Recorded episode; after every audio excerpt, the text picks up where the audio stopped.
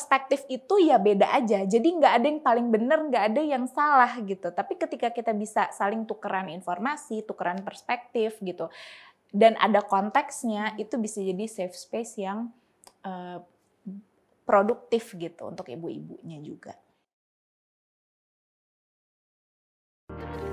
Ada cerita para puan. Halo kawan puan, kita bertemu lagi di podcast Cerita Para Puan. Kali ini kita akan bahas sesuatu yang sebetulnya cukup dekat dengan uh, perempuan, khususnya para ibu. Um, seperti kita tahu, kita udah memasuki tahun kedua uh, pandemi, dan sebagian besar kita sudah mulai uh, work from home itu dari tahun lalu. Nah, kalau misalnya kawan puan tahu, um, setiap kali kita WFH, khususnya para ibu, biasanya kan seperti agak awalnya mungkin senang karena akhirnya bisa deket dengan anak di rumah.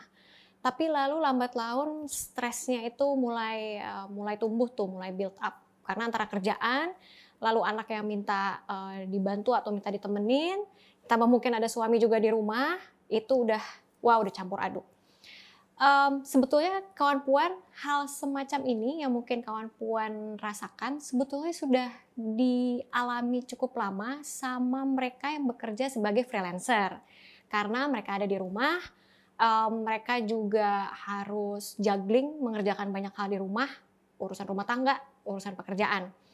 Um, nah buat yang sekarang tamu kita yang sekarang ini adalah seorang ibu um, seorang istri tapi juga seorang uh, freelancer, tepatnya freelancer ilustrator.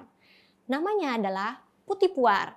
Nah, kawan puan pasti udah pernah tahu, mungkin ngikutin juga Instagramnya @byputih. Um, Mbak Putih ini banyak um, kasih lihat tentang ilustrasi kegelisahan sehari-hari uh, seorang perempuan, khususnya para ibu. Dalam podcast kali ini kita akan dengar ceritanya Mbak Putih, bagaimana dia juga um, juggling urusan pekerjaan sebagai ibu dan sebagai istri di masa pandemi. Apakah sama dengan yang kawan puan rasakan atau tidak? Nanti kita akan cari tahu. Lalu bagaimana juga uh, Mbak Putih itu bisa sukses? Itu juga kita akan cari tahu caranya. Jadi uh, kita sambut aja tamu kita minggu ini, Mbak Putih Puar. Halo Mbak Putih. Hai Mbak Indi. Terima kasih banyak ya udah menyempatkan waktu di antara kesibukan buat ngobrol sama para puan. Ya aduh aku malah seneng banget nih diajakin ngobrol sama para puan. Kita itu setiap kali kalau ketemu belum pernah ketemu fisik kayak gini ya Mbak, ini baru yeah. pertama ya. Yeah. Biasanya bercandanya kalau nggak di kalau nggak di antar screen yeah di poster ya? Di poster. poster. Minimal pernah berdampingan di poster. Pernah berdampingan di poster. Sekarang kita berdampingannya nyata. Aku tuh kan suka banget ya, aku kan follow Instagramnya Mbak Putih gitu. Terus aku tuh suka banget karena uh, itu sehari-hari terus gambarnya kan lucu-lucu gitu. Sebetulnya uh, gambar tuh dari kapan sih Mbak Putih? Hmm aku sebenarnya suka gambar itu udah dari SD hmm. uh, dari zaman zaman suka Sailor Moon ketahuan ya angkatan berapa ya yang bentar lebih. lagi mau tayang lagi iya. kan ya. jadi untuk yang baru tahu Sailor Moon di Netflix berarti mungkin kita sedikit beda generasinya sedikit aja gitu uh, terus aku emang udah suka gambar dari SD itu terus emang udah kelihatan ada bakat mengkomersilkan ilustrasi karena waktu kelas 3 SD itu aku udah mulai ngejualin gambar aku gitu ke kelas 3 SD. Kelas 3 SD. Kayak ini mau beli nggak? Uh, ini kalau kertas kosong aku hiasin ini jadi lucu deh buat notes-notes gitu. Terus ada yang beli, tak mungkin karena anak SD uh, fear of missing out atau apa hmm. gitu. Ternyata pada beli gitu. Jadi kayaknya mungkin kalau ditanya gambar dan komersialisasi gambar itu udah dari dulu. Nah, tapi kenapa pilih uh, maksudnya ke arah ilustrasi gitu? Um, kan sebenarnya macam-macam ya bentuk uh, variasi menggambar itu kan hmm. macam-macam, Mbak. Kenapa akhirnya fokusnya ke situ sih? Mungkin karena aku juga suka nulis, hmm. suka cerita. Jadi kayaknya kalau dulu pelajaran favorit itu adalah melukis dan mengarang. Eh, iya. Dulu bah bahasanya beneran kayak iya, iya. mengarang gitu kan, mengarang cerita. Uh, jadi aku suka nulis juga. Nah, uh, tapi aku kalau misalnya dibilang ini ada kertas kosong, gambar sekarang. Aku nggak yang bisa langsung wow, wow, wow gitu. Jadi aku biasanya justru emang harus ada briefnya. Hmm. Nah jadi kalau misalnya ada buku ilustrasi, ada ceritanya, terus aku disuruh gambar berdasarkan itu, nah aku suka gitu. Nah jadi kayaknya mungkin memang dari dulu ada kecenderungan uh, pengen gambar aku tuh bisa untuk part of storytelling. Ah, nah Tapi yang seru kan dari kelas 3 SD ternyata udah bisa dikomersialisasi itu ya gitu. Dari waktu masih kecil sempat buat gak sih kayak ada satu karakter khusus yang akhirnya orang kayak oh ini gambarnya putih nih atau hmm. baru belakangan gitu? Sebetulnya uh, gaya gambarku sekarang itu nggak jauh beda sama cara gambar aku waktu SD kelas oh, 5 atau gitu. 6. Ya, oh, ya. Jadi kan kalau Sailor Moon tuh kelas 2. Terus hmm. uh, as time goes by masih menggambar di kelas 5 6 SD itu aku emang udah mulai bikin komik buat mading. Okay. Nah, tapi sebetulnya bentuk bulet-buletannya, terus senyum-senyumnya, gembul-gembulnya itu kurang lebih mirip sih. Jadi oh, itu gitu. kebawa sekarang. Jadi Abis kan kalau kita pikir Sailor Moon zaman dulu berarti kan agak Masing. agak ya agak yeah. manga gitu kan yang uh, V shape di sini uh, matanya segede hampir lebih yeah. yeah, hidung yeah, gitu yeah. kan ternyata malah dari dulu yang karakter yang Mbak Putih sekarang itu udah hmm. udah ada ya?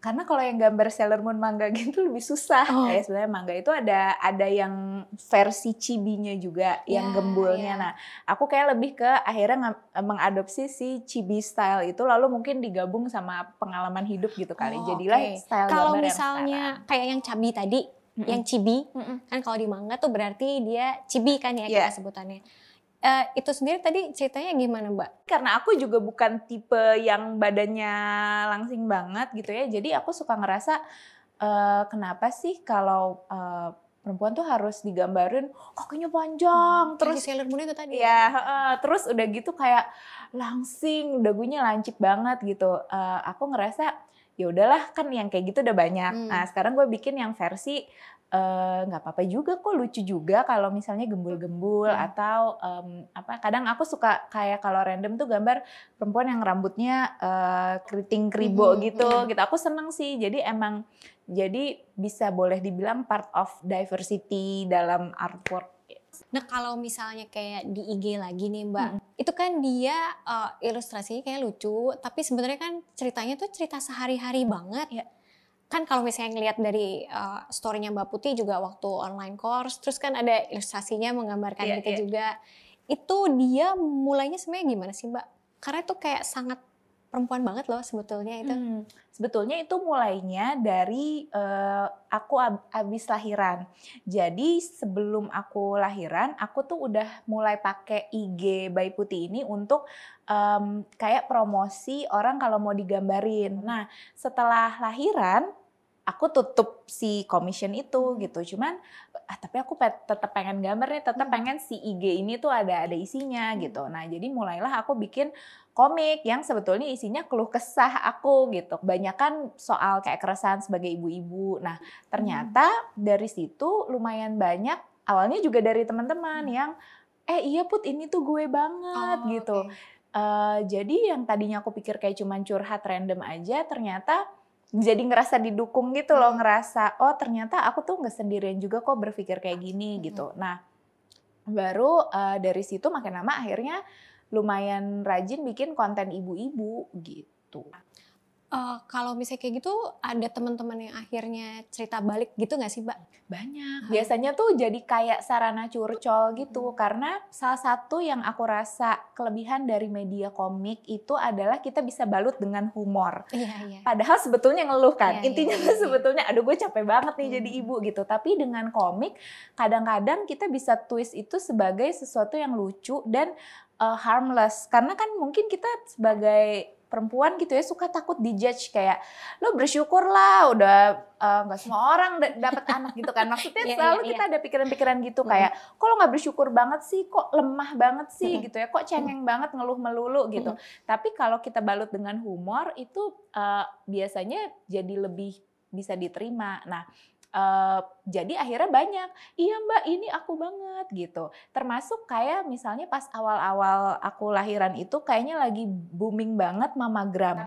Jadi ibu-ibu mama, ya. uh, ibu-ibu yang baru lahiran terus kayak dorong stroller tapi udah kayak cantik banget kayak selebritis oh. gitu loh. Nah, uh, aku tuh kayak ngerasa wah ini ini antitesis gue banget iya. nih gitu. Jadi akhirnya aku bilang lah kayak melihat ibu-ibu expectation reality oh, iya, gitu. Iya. Nah, ternyata itu itu banyak banget yang suka dan bilang iya setuju gitu. Dan um, jadi sejak itu aku rasa memang itu kan satu bentuk uh, keresahan aku ya kayak kenapa sih ada ekspektasi bahwa perempuan itu setelah lahiran harus cantik lagi, hmm. harus harus cepet, harus cepet, hmm. harus get everything together lagi gitu. Terus harus bisa anaknya gendut, uh, hmm. anaknya bisa makan. Hmm. Kayaknya ekspektasinya itu memberatkan sekali gitu di uh, untuk perempuan modern ini hmm. gitu. Mungkin itu sih akhirnya ya akhirnya jadilah konten.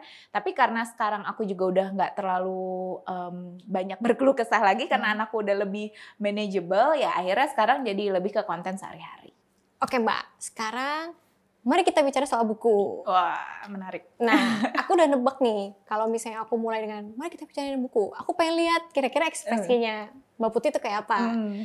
Menarik ya berarti Mbak? Menarik. menarik. Kalau, kan orang suka sesederhana ini, baca buku itu hmm, biar apa sih? Ya buat relaxing gitu ya. -hmm. Abis seharian kerja atau apa, terus baca buku, uh, rekreasional gitu. Tapi ada yang emang mau dapet banyak ilmu gitu. Hmm.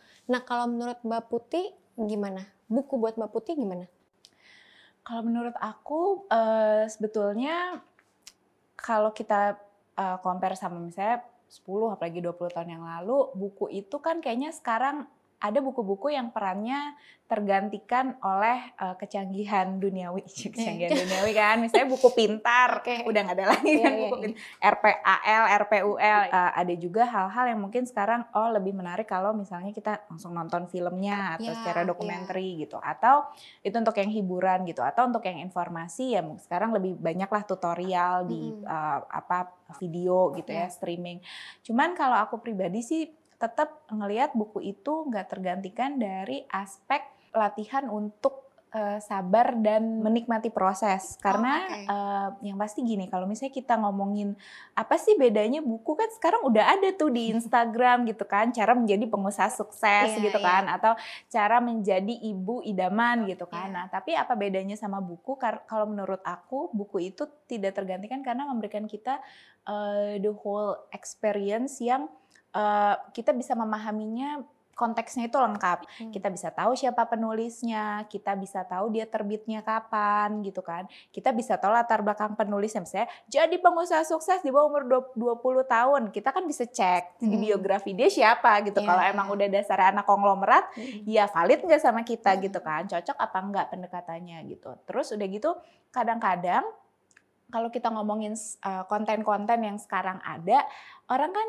uh, rentang atensinya itu semakin pendek, pendek ya. Jadi pengennya tuh yang langsung dapat bait-nya aja. Oke, okay, jadi hmm. inilah kunci sukses. Padahal sebetulnya kalau kita gali dari bukunya, itu tuh untuk bisa sampai keluar tiga kunci sukses itu pasti ada ada ada perjalanan panjangnya gitu. Nah, bagian-bagian yang dianggap membosankan atau kegagalan sering kali nggak di-highlight kan yeah. sebetulnya gitu. Jadi uh, menurut aku itu kita bisa memahami sesuatu itu dengan lebih utuh uh, ketika kita mengerti bisa lebih mendalam. Hmm. Terus menurut aku uh, perbedaan uh, pemahaman secara menyeluruh dari sebuah konteks dan bisa memahami beberapa konteks itu sesuatu yang nggak tergantikan sih. Hmm.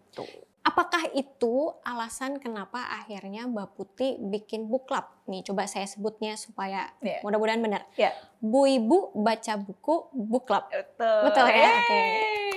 Uh, eh, quiz, B-nya ada berapa? Bu Ibu baca buku book club. Book club. B-nya 4 ya.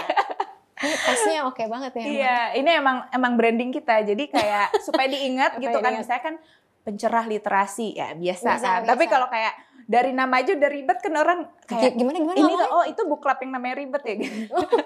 namanya ribet. iya, jadi kalau Bu Ibu baca buku book club itu sih sebetulnya satu karena aku memang suka buku tadi, dua uh, karena keresahan aku melihat uh, kayaknya sekarang kemampuan literasi orang Indonesia memang ada datanya juga kan waktu itu sempat ada data bahwa kita peringkat ke 60 dan iya, 61 iya, gitu kan uh, dalam hal pemahaman. Dan uh, aku aku melihatnya uh, ke depannya ini kemampuan literasi baca dan tulis itu akan esensial banget karena hmm Bayangin sekarang kita apa-apa digital, berasa banget yeah. kan nih pandemi gitu. Kalau dulu orang mau transaksi jual beli bisa ke pasar, berapa nih? Yeah. Nah, kan uh, tawar dah gitu kan. Yeah. Nah, tapi kan kalau misalnya kita sekarang udah semuanya ke online, pasti kita kan harus menulis uh, dan membaca ini harganya berapa, bahannya apa, karena kita nggak bisa pegang langsung. Nah, jadi maksud aku ini pasti akan kepake terus. Tapi kayaknya kemampuan literasi orang Indonesia itu tidak terasah gitu Iya. kan apalagi minat baca kita nggak pernah tinggi tinggi banget gitu nah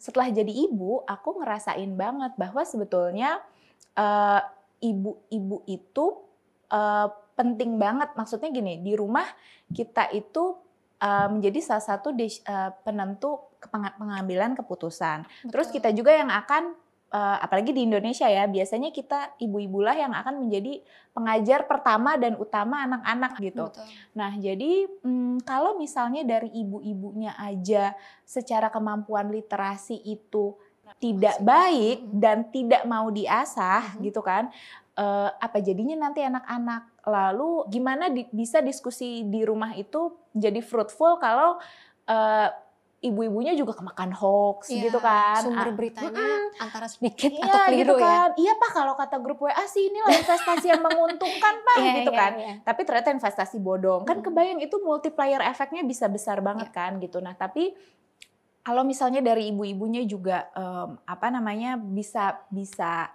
berusaha setidaknya sadar bahwa oh ada loh yang namanya kemampuan literasi yang kita perlu tingkatkan dan Mhm. kita turunkan ke anak Mhm. gitu menurut aku itu jadi akan bagus banget untuk keluarga dan untuk ke depannya karena Mhm. kalau ngomongin minat baca atau literasi apa yang dilakuin ibu-ibu hari ini ya mungkin baru berasa nanti kalau anaknya udah 10 tahun 20 tahun Iya, gitu. iya.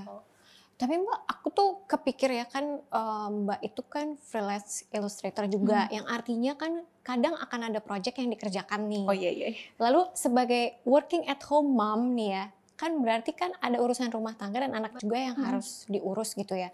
Lalu sekarang ada BBBB gitu. Itu gimana Mbak? Dan kenapa akhirnya tetap tetap mau menjalankan book club ini? Hmm. Self actualization kah Hmm. atau Sebetulnya kalau ditanya motivasi kadang-kadang terdengar altruistik juga ya kalau aku Hmm. bilang enggak sih emang karena benar-benar sekepengen itu membagikan spirit uh, bisa meningkatkan literasi gitu karena aku ngerasa sepenting itu gitu. Em, tapi mungkin kalau ditanya uh, motivasi yang lebih uh, selfish gitu mungkin aku juga pengen cari temen sesama ibu-ibu yang suka baca karena kadang-kadang kalau misalnya kita ada temennya kita Hmm. juga ngerasa nggak nggak sendirian gitu dan ternyata memang kalau bibi lagi ada diskusi aku senang tuh ngelihat karena banyak juga ibu-ibu yang bacanya tuh berat Ah. tapi mereka aduh gue mau diskusi sama siapa nih Ah. gitu kan jadi senang Iya, senang juga sih ketika ada feedback yang baik eh, walaupun mungkin la- bukan langsung berupa impact yang gimana-gimana banget tapi ketika ada sambutan ketika kita bisa menjadi safe space aku ngerasa kayaknya pengen deh ada lebih banyak orang yang eh, bisa merasakan eh, oh seru loh baca buku oh ada faedahnya loh gitu Hmm. Mbak, aku jadi penasaran dikit nih. Eh, ketika tadi Mbak bilang seru loh karena ada safe space gitu ya. Iya. Safe space yang ada di BBB Club ini.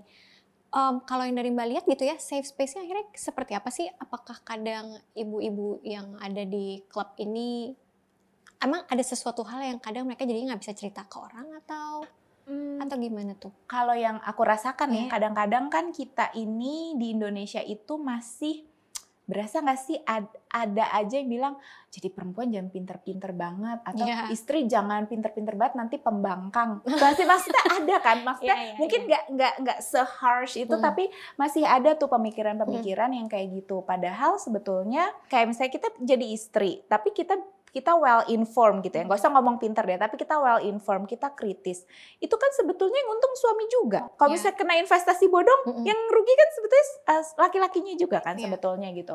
Jadi uh, mungkin itu satu gitu. Terus udah gitu uh, di Bibi salah satu uh, spiritnya adalah kesetaraan gender atau gender equality. Banyak orang yang wait wait wait wait wait apalagi ngeliat aku pakai kerudung kan. Wah Iya. ini nih Islam Islam melenceng nih? gitu kan. Kenapa ngomongin kayak gitu? Tapi sebetulnya menurut aku ya kesetaraan itu kan tetap bisa saling menghormati, bisa tetap saling mengisi gitu kan ya. Ya kita tetap hormat lah sama suami kita walaupun kita progresif atau apa ya suami Hmm. juga hormat sama kita. Nah, jadi kadang-kadang diskusi-diskusi seperti itu butuh ruang yang ada konteksnya. Hmm. Kalau misalnya eh, kita ngomongin itu di mimbar terbuka gitu ya di sosial media, wah udah pasti kan ada berbagai macam tanggapan gitu Iya. kan. Tapi ketika kita punya ruang diskusi kita ngomongin soal keperempuanan, kita ngomongin soal hal-hal um, yang mungkin kita jadi udah tahu oh orang-orang uh, ini yang ikutan diskusi di BBB ini sebetulnya cukup open minded dan cukup memahami konteks lah untuk ngomongin hal-hal yang seperti itu gitu. Eh, jadi itulah yang tadi aku bilang kenapa dia safe space gitu. Dan kita juga berusaha untuk jangan uh, menjudge gitu ya. Mungkin ada yang ngerasa ya kalau cuman baru baca buku fiksi-fiksi aja mah belum bisa lah diskusi sama kita iya, gitu iya. kan. Takutnya ada yang kayak iya, gitu. Nah kita enggak gitu. Hmm. Jadi uh, semua bisa berkontribusi dan saling belajar satu sama lain. Hmm. Karena itu tadi kadang-kadang perspektif itu ya beda aja. Jadi nggak ada yang paling benar, nggak ada yang salah gitu. Tapi ketika kita bisa saling tukeran informasi, tukeran perspektif gitu, dan ada konteksnya, itu bisa jadi safe space yang uh, produktif gitu untuk ibu-ibunya juga. Itu ceritanya jadi sama sama banget dengan para puan karena memang niatnya support system hmm. dan menciap, uh, memberikan safe space yeah. buat diskusi. Tapi memang aku setuju sih masuk dalam diskusi itu nggak bisa kosongan gitu kali yeah. mbak ya mm -hmm. kita kita harus ready yeah. paham konteks uh, well prepared dan yeah. terbuka sebenarnya dengar dengerin uh, komen atau tanggapan dari yang lain ya yeah. aku rasa kawan puan yang dengerin dan yang nonton nih perlu juga nih kalau misalnya ada ibu-ibu ya yang ada yang mau ikutan book club kan bisa ya mbak ya yeah. Tuh, kita akan dengan senang hati. Dengan terbuka ya. Dengan Saya terbuka. juga mau sih sebenarnya, Mbak.